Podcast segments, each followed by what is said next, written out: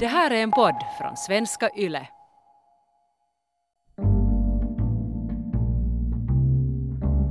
De hade ju sen mycket dramatiskt kommit överens sinsemellan att de skulle inte vilja överleva en upptäckt. Du lyssnar till den fjärde och sista delen av Det värsta brott man kan begå. Svenska Yles krimpodd om ett av 1920-talets mest omtalade brott. Jag heter Anvi Gardberg. I april 1927 har polisen hittat hylsor från Allan Törnuds pistol. De har en identisk skråma som den hylsa polisen hittade på Vårdberget i närheten av affärsmannen John Engbloms lik. Det är första gången i Norden som polisen använder sig av ballistisk bevisföring för att utreda ett brott. Allan Törnud skriver. Alltsammans hade varit en serie förtvivlade improvisationer med en högst problematisk utsikt att lyckas. Ändå kom den slutliga häktningen som en oväntad överrumpling.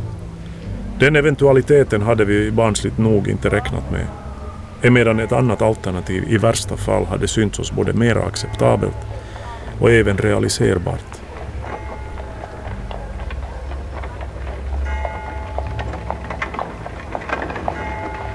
På söndag den 24 april kallas både Margit Niininen och Allan Törnud till förhör. Allan har instruerat Margit att inte erkänna något. Men polisens bevisföring med patronhylsorna får Allan att erkänna redan följande dag.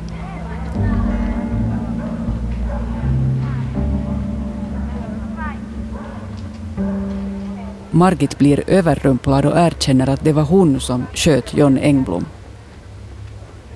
Hon trasslar in sig i de fortsatta förhören när hon försöker få Allan att verka så lite skyldig som möjligt. Tidningarna skriver redan på måndag den 25 april att polisen har anhållit Allan Törnud och Margit Niininen. På Åbo Akademi beslutar studentkåren ställa in valborgsfirandet. Studentkårens styrelse avhåller Allan från posten som ordförande. I maj avgår han och han avgår också från sin tjänst som bibliotekarie vid akademin. Och där var ju också ett försök att vilseleda genom att Allan hade då gett till Margit några gamla tyska sedlar som hon spridde ut på marken där efter det där skottet. Och det här är ju någonting som åklagaren förstås åberopade och, och därför försökte göra gällande att det skulle bedömas som ett överlagt mord. Rådstyrrätten behandlar fallet under åtta sessioner under 1927. Tidningarna både i Finland och i Sverige skriver ymnigt om Margits och Allans brott. Polisen ger frikostigt ut uppgifter från förhören. Vissa tidningar publicerar till och med fotografier på Allan och Margit med polisens registernummer.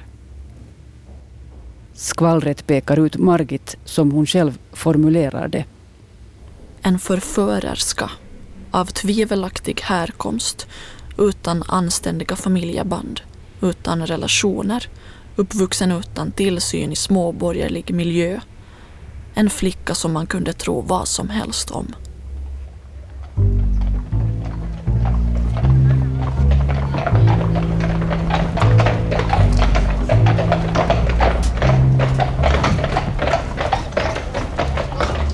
Den första rättegångsdagen uppstår det kö till rättssalen som ligger i Stadshuset. Allan och Margit transporteras längs gatorna i en skramlande hästdragen fångvagn. Folket på gatan visslar och skriker. Någon försöker till och med rycka upp dörren till fångvagnen eller klättra upp på dess tak.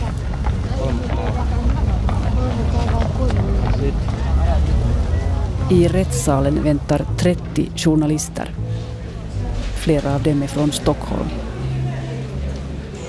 En svensk journalist skriver att Allan småler ironiskt medan Margit ser nedstämd ut.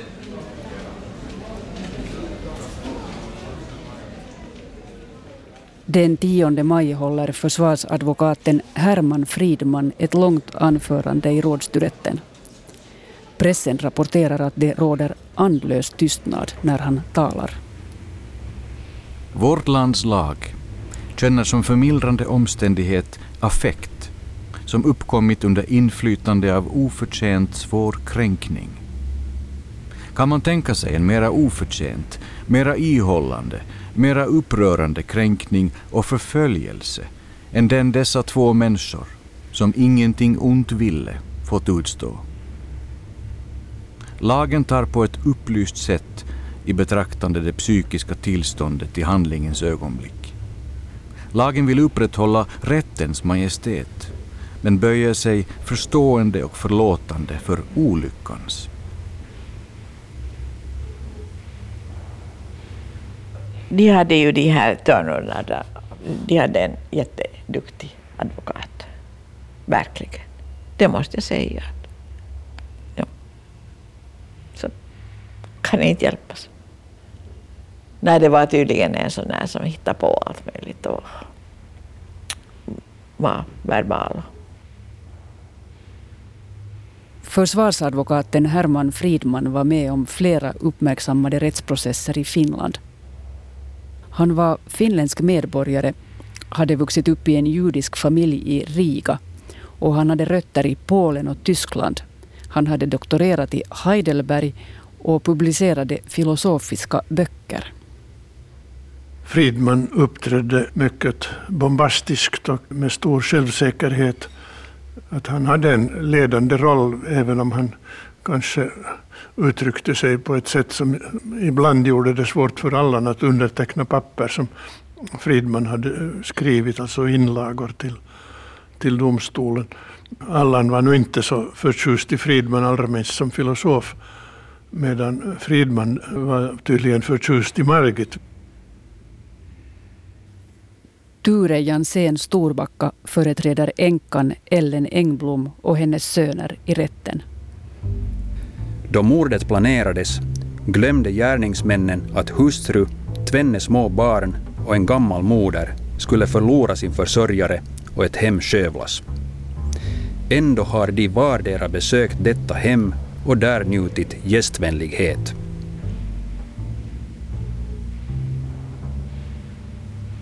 Under rättegången smutskastar båda parter sina motståndare. Och pressen skriver beredvilligt om de rykten som John Engblom har spridit om Margit. Änkans advokat hävdar att John Engblom aldrig våldtog Margit eller försökte göra det, utan att de hade ett frivilligt förhållande. Rätten hör vittnet Kurt Byman som har sett Margit sitta med fötterna uppdragna i en soffa samtidigt som Engblom lutade sig över henne. Inför lyckta dörrar vittnar Engbloms vänner om hur Engblom själv skröt om att han hade kommit i åtnjutande av Margits ynnest som kvinna.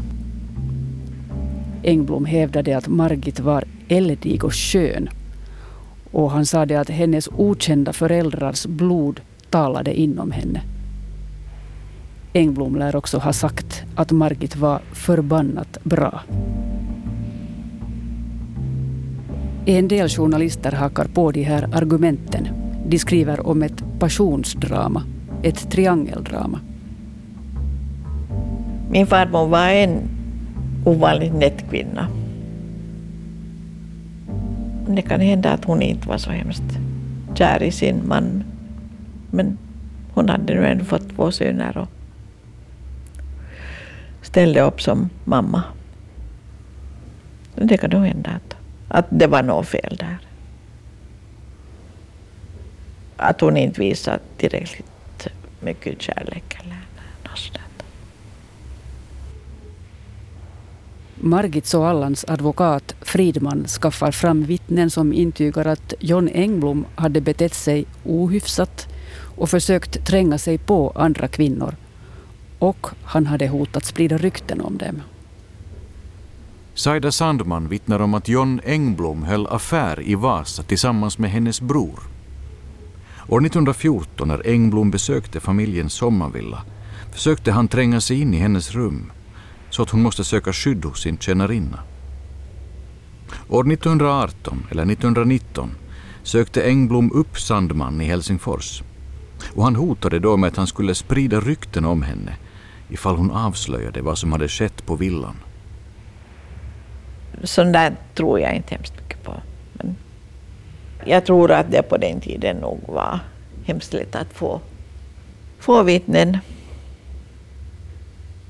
Det ska man betala någonting så fick man vittnen.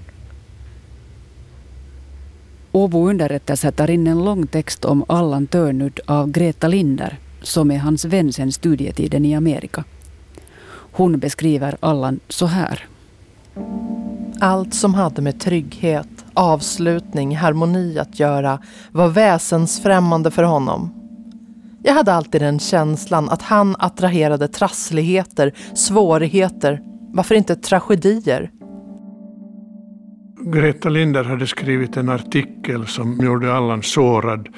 Och det tog sen tid innan, innan det här klarades upp så att det, här, det återställde de vänskapliga relationerna mellan Allan och, och Greta Linder.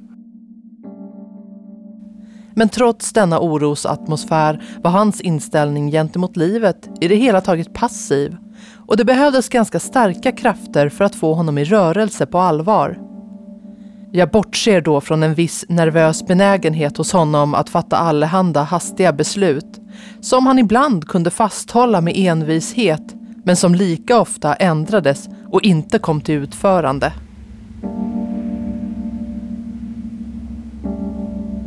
Greta Linders beskrivning av Allan används av dem som vill svartmåla honom.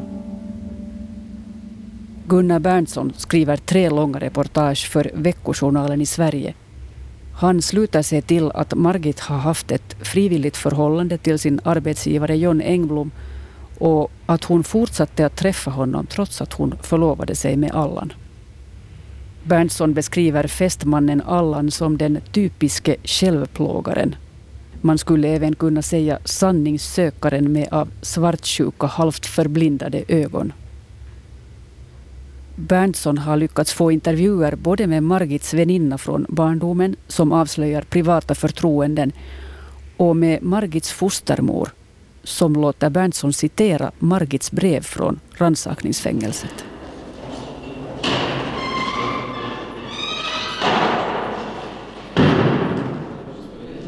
Jag kunde inte hjälpa att sinnet rann på mig då jag såg hans plumpa plebejansikte hångrina mot mig och hörde honom skymfa Allan. Allan vars skoband han inte ens var värdig att knyta. Allan som jag högaktar och älskar mer än allt annat på jorden. Det var två impulser som vid detta tillfället kämpade inom mig. Å ena sidan tanken på att verkligen bringa Engblom om livet för att göra Allan till viljes och för att få slut på det själsliga inferno han genomgick. Och å andra sidan mitt sunda omdöme, min besinning och motvilja för en dylik gärning. Striden mellan dessa impulser bragte mig alldeles ur jämvikten. Sannolikt hade den senare impulsen segrat om icke det tillfälliga inslaget av överretning, avsky och indignation bragt vågskålen att sänka sig till den förra impulsen. Margit befinner sig på Lappvikens sjukhus i Helsingfors för rättspsykiatrisk observation när hon läser reportagen i Veckojournalen. Hon bryter ihop och blir sängliggande i en vecka. Det värsta är, säger hon senare, att Gunnar Berntsson hänsynslöst presenterar obevisade hypoteser som fakta. Allan avskyr påståendena om att han var svartsjuk. När Allans syster Ali Törnud senare skriver till Greta Linder i Sverige har hon hälsningar från Allan. Säg att jag aldrig har hyst någon form av svartsjuka mot en individ som givit mig lika lite anledning därtill som en gorilla importerad direkt från Centralafrika. Flera journalister spekulerar i om Allan överlät pistolen åt Margit eftersom han själv var så darrhänt och fumlig. Också det här upprör Allan. Hans syster bifogar till och med ett intyg över Allans skjutskicklighet i ett brev till Greta Linder i Sverige.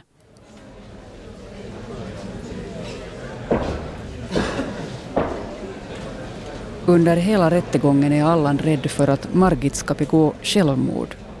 Hon har ju tidigare gjort ett försök att ta sitt liv. Allan ber Margit låta bli. De sitter bredvid varandra under rättegången. Allan instruerar Margit om vad hon ska säga och göra. De smugglar brev till varandra. Den 3 december sammanträder rådstyretten för sista gången. Allan läser upp ett anförande. Jag vill framhålla att Margit Niininen ännu aldrig har beslagits med en enda osanning som ej härrört direkt från mig. Jag upprepar att jag anser mig genom min oaktsamhet bära det huvudsakliga för att ej säga enda moraliska ansvaret för det skedda. Frånsett den avlidnes eget ansvar. Följande dag publicerar Helsingin Sanomat medicinlicentiat Akseli Nikulas text om de själsliga grunderna för Margit Niininens dåd. Droppen som behövdes för att Margit Niininen skulle begå dådet var Engbloms förolämpningar mot Törnud och framförallt hans hånskratt. Skrattet ingav Margit ångest ännu under sjukhusvistelsen. I det kritiska ögonblicket fick Engbloms skratt Margit att minnas hans hångrin efter försöket till våldtäkt år 1924. Och då behövdes det så litet. Ett sårande ord, ett hångrin och skottet gick av.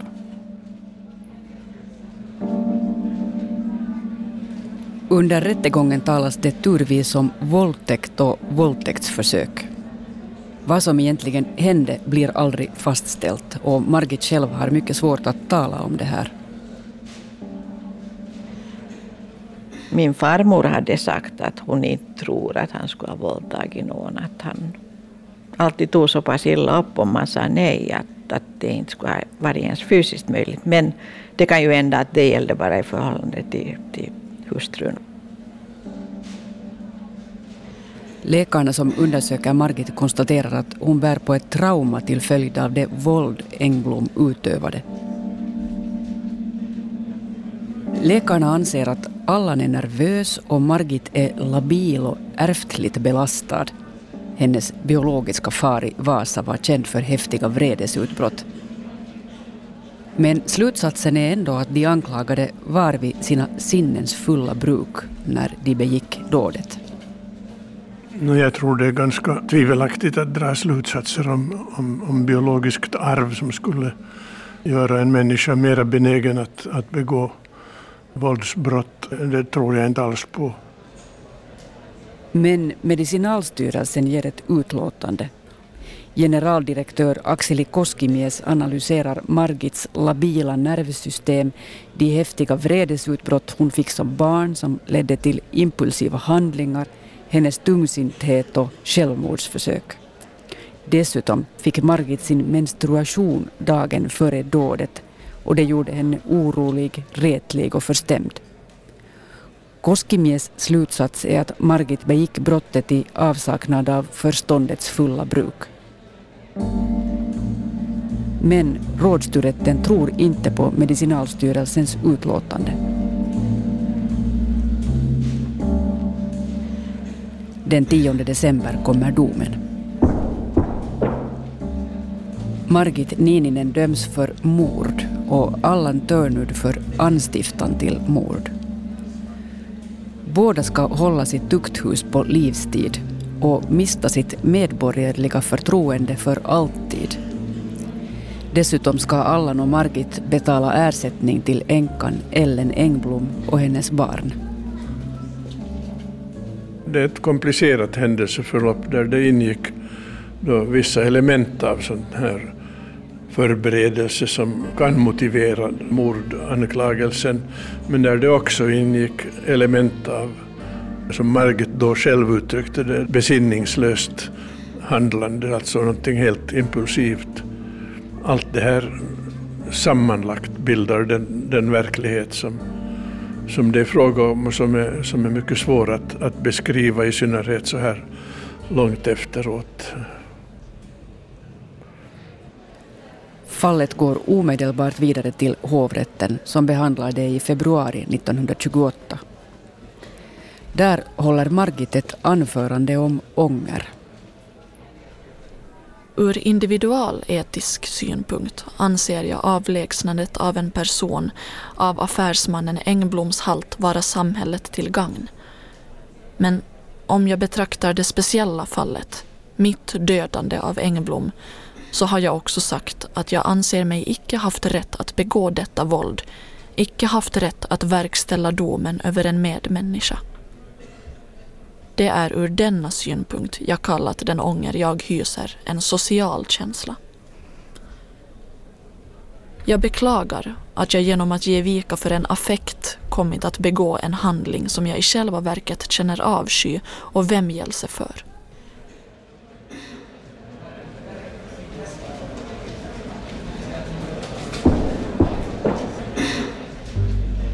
Hovrätten avger domen den 7 februari 1928. Margit har enligt hovrätten begått brottet uppsåtligen men i hastigt mord. Hon döms inte längre för mord utan för vilja dråp till tio års tukthus.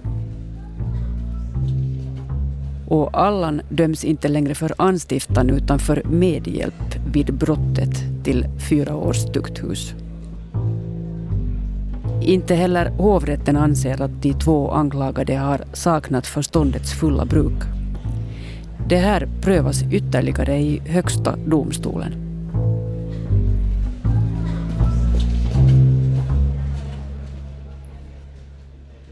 Allan anser att det finns fall där samhället inte tillmötesgår individens rättmätiga krav på vedergällning och där denne har rätt att själv tillgodose dem.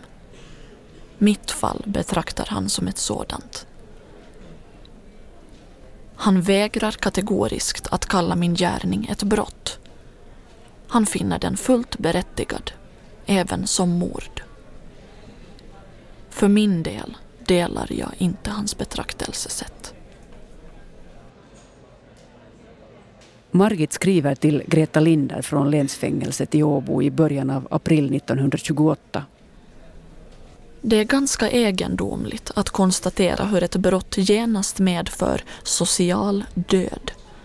Hur det om en lagbrytare saklöst får talas och skrivas både sant och osant.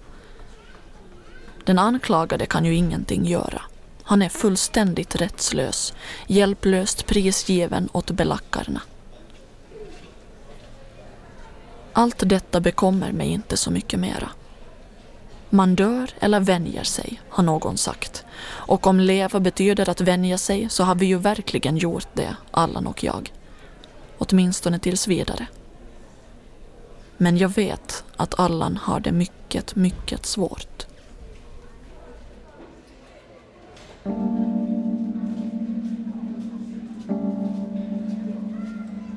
Högsta domstolen ger sitt utslag i slutet av april 1928 Domstolen har förutom Medicinalstyrelsens utlåtande också fått ett nytt utlåtande av överläkaren, professorn i rättsmedicin Ernst Ernroth. Han konstaterar att Margit har ärvt ett explosivt temperament och tungsinthet och att Allan Törnuds tankeblock inympades i Margit och gav henne vanföreställningar. Domstolen anser att Margit begick brottet i avsaknad av förståndets fulla bruk. Margits straff blir nu nedsatt till fem års tukthus för vilja dråp i hastigt mord. Allan får fortfarande fyra års tukthus för medhjälp till brottet.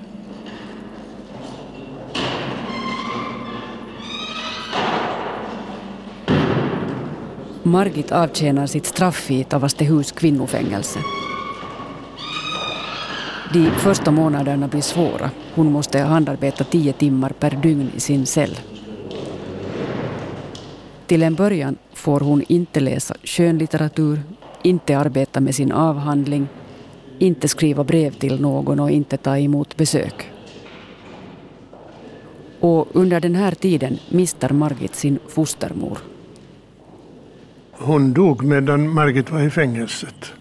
Det var för henne nog en stor sorg. Hon kunde inte vara med vid någon begravning eller någonting sånt. Margit gråter och överväger på nytt självmord. Hon har stått sin fostermor nära.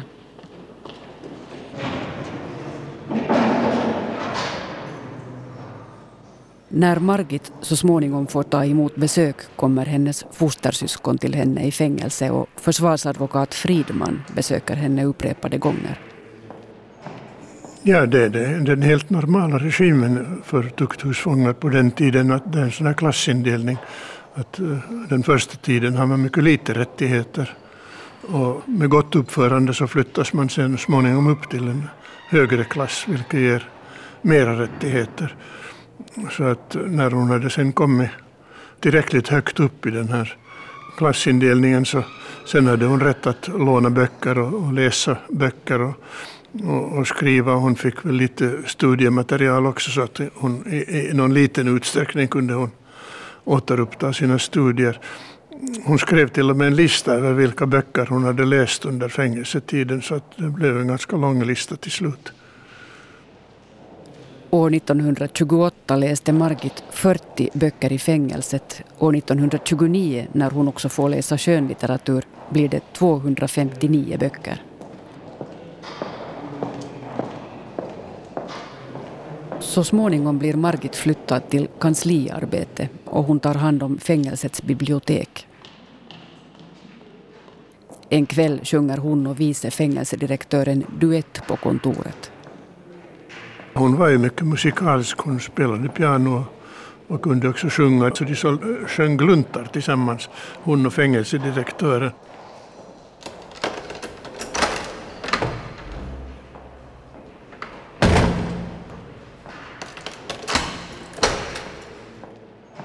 Allan avtjänar sitt straff på Skatudden i Helsingfors. Jag har tillverkat brevkuvert de första fyra månaderna. Arbetet med kuverten kändes ungefär som att lägga patiens. Det var till och med ett visst nöje att dagligen se något bli färdigt under ens händer. Och jag gnodde på med mina kuvert av hjärtans lust från morgon till kväll utan minsta avbrott ens under de föreskrivna fritiderna. På så sätt löste jag provisoriskt problemet att komma till rätta utan skrivdon och lektyr. Han försökte hålla sig lugn och stillsam. Både han och Margit hade kommit överens om att de skulle uppföra sig väl under fängelsetiden och för, försöka följa alla regler.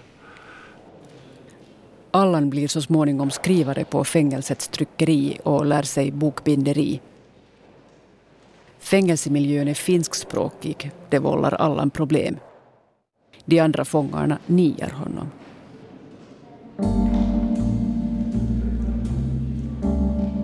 Allan ansöker om benådning redan år 1928 men hans ansökan blir avslagen trots att 200 kända finländska medborgare undertecknar en vädjan om att han ska bli fri.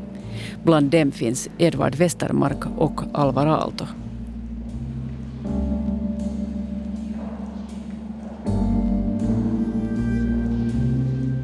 Margit skriver motvilligt en ansökan om benådning hösten 1929 hon tror inte att hon har någon chans. Hon antar själv att hon måste sitta åtminstone tre år i fängelse.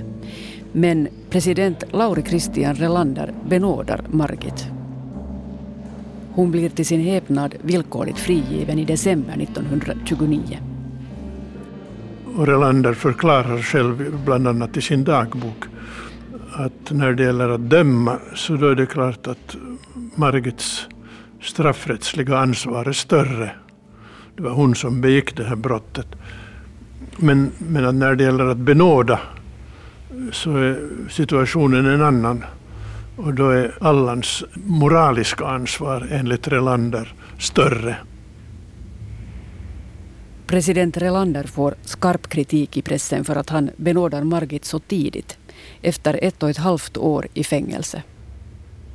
Det var ett för lindrigt straff och eh, det var ju ändå en familj och det var en sexårig och en fyraårig pojke som blev faderlösa. I december 1929 bosätter sig Margit hos sin fostersyster i Helsingfors. Hennes föräldrahem i Åbo finns inte längre kvar. Våren 1930 lämnar Margit in sin magisteravhandling till Åbo Akademi. I samband med att Margit blir fri försöker Herman Fridman få henne att lämna Allan. Han frågade henne om hon inte ville lämna Allan och, och, och ge sig iväg med, med Fridman ut. Trots att Fridman var själv gift här men att, men att det tyckte han att var en småsak. Det skulle ordna sig och de skulle ungefär rymma ut till Europa och det här var ju en, en, en helt vansinnig idé.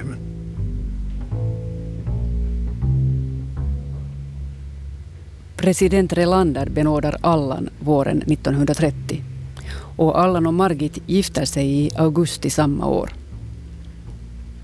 I december 1931 föds deras första son Klaus. Senare föds en son till. Brottet och det straff de har avtjänat har påverkat deras liv. Det påverkade i hög grad. Alltså min far kunde ju inte återvända till bibliotekariejobbet i Åbo. Han måste starta på nytt så att säga. och Börja arbeta med helt andra saker i Helsingfors. De upplevde det så att, att det var svårt att, att stanna kvar i Åbo.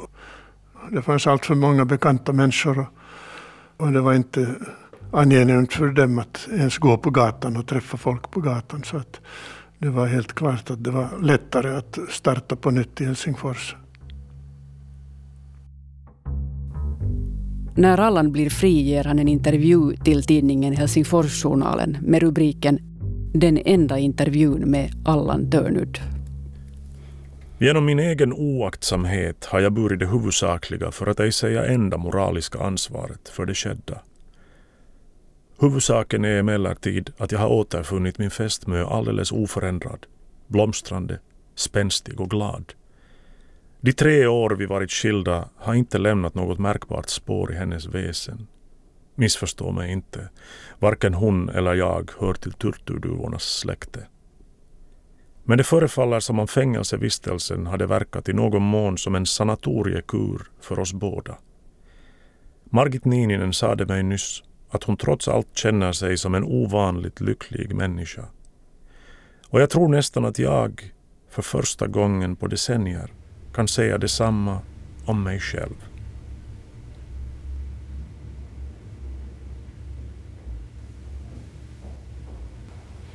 Margit och Allan har det knapert i flera år.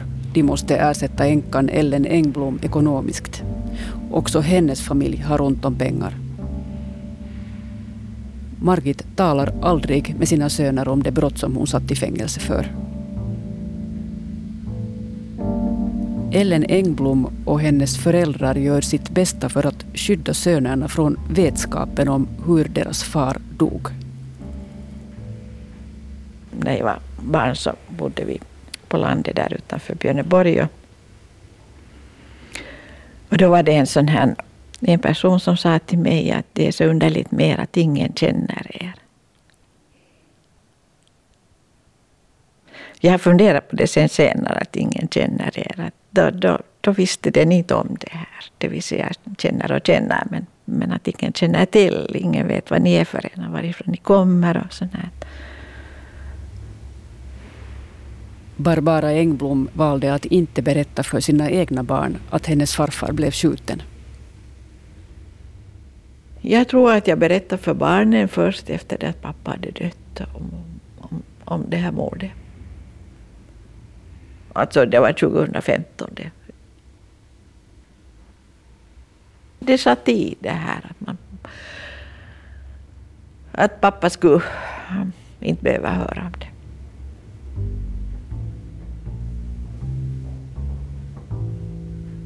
Margit kom så småningom att publicera flera skönlitterära verk.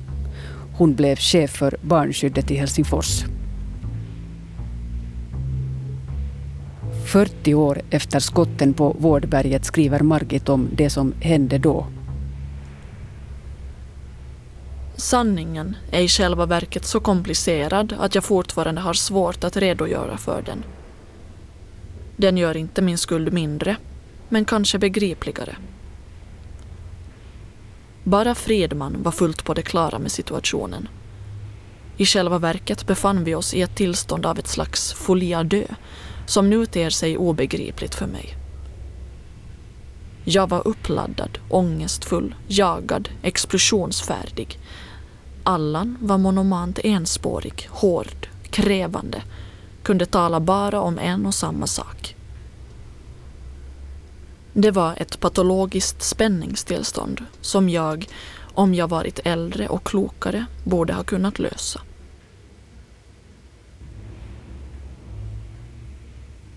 I slutet av 1970-talet skriver Margit så här. Vi hade under den svåra vintern 1926 uppnått ett tillstånd av ångest och besatthet som fullkomligt isolerade oss från verkligheten. Uppvaknandet innebar en långsam förvandling för bådas vidkommande. En många års botgöring på sätt och vis, under vilken Allan nog hade det svårast.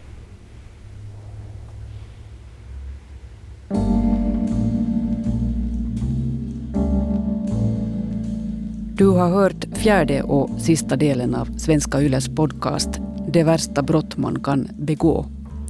Intervjuer med Klaus Törnud och Barbara Engblom Lindgren. Siri Fagerud läste texter av Margit Nininen och Tobias Siljakus texter av Allan Törnud. Också Stefan Brunnov, Elin Willows och Rolf Granqvist medverkade med uppläsning. Manus och regi Anvi Gardberg, ljuddesign Jyrki Häyrinen, dramaturgi Anvi Gardberg, Are Nikkinen och Staffan von Martens.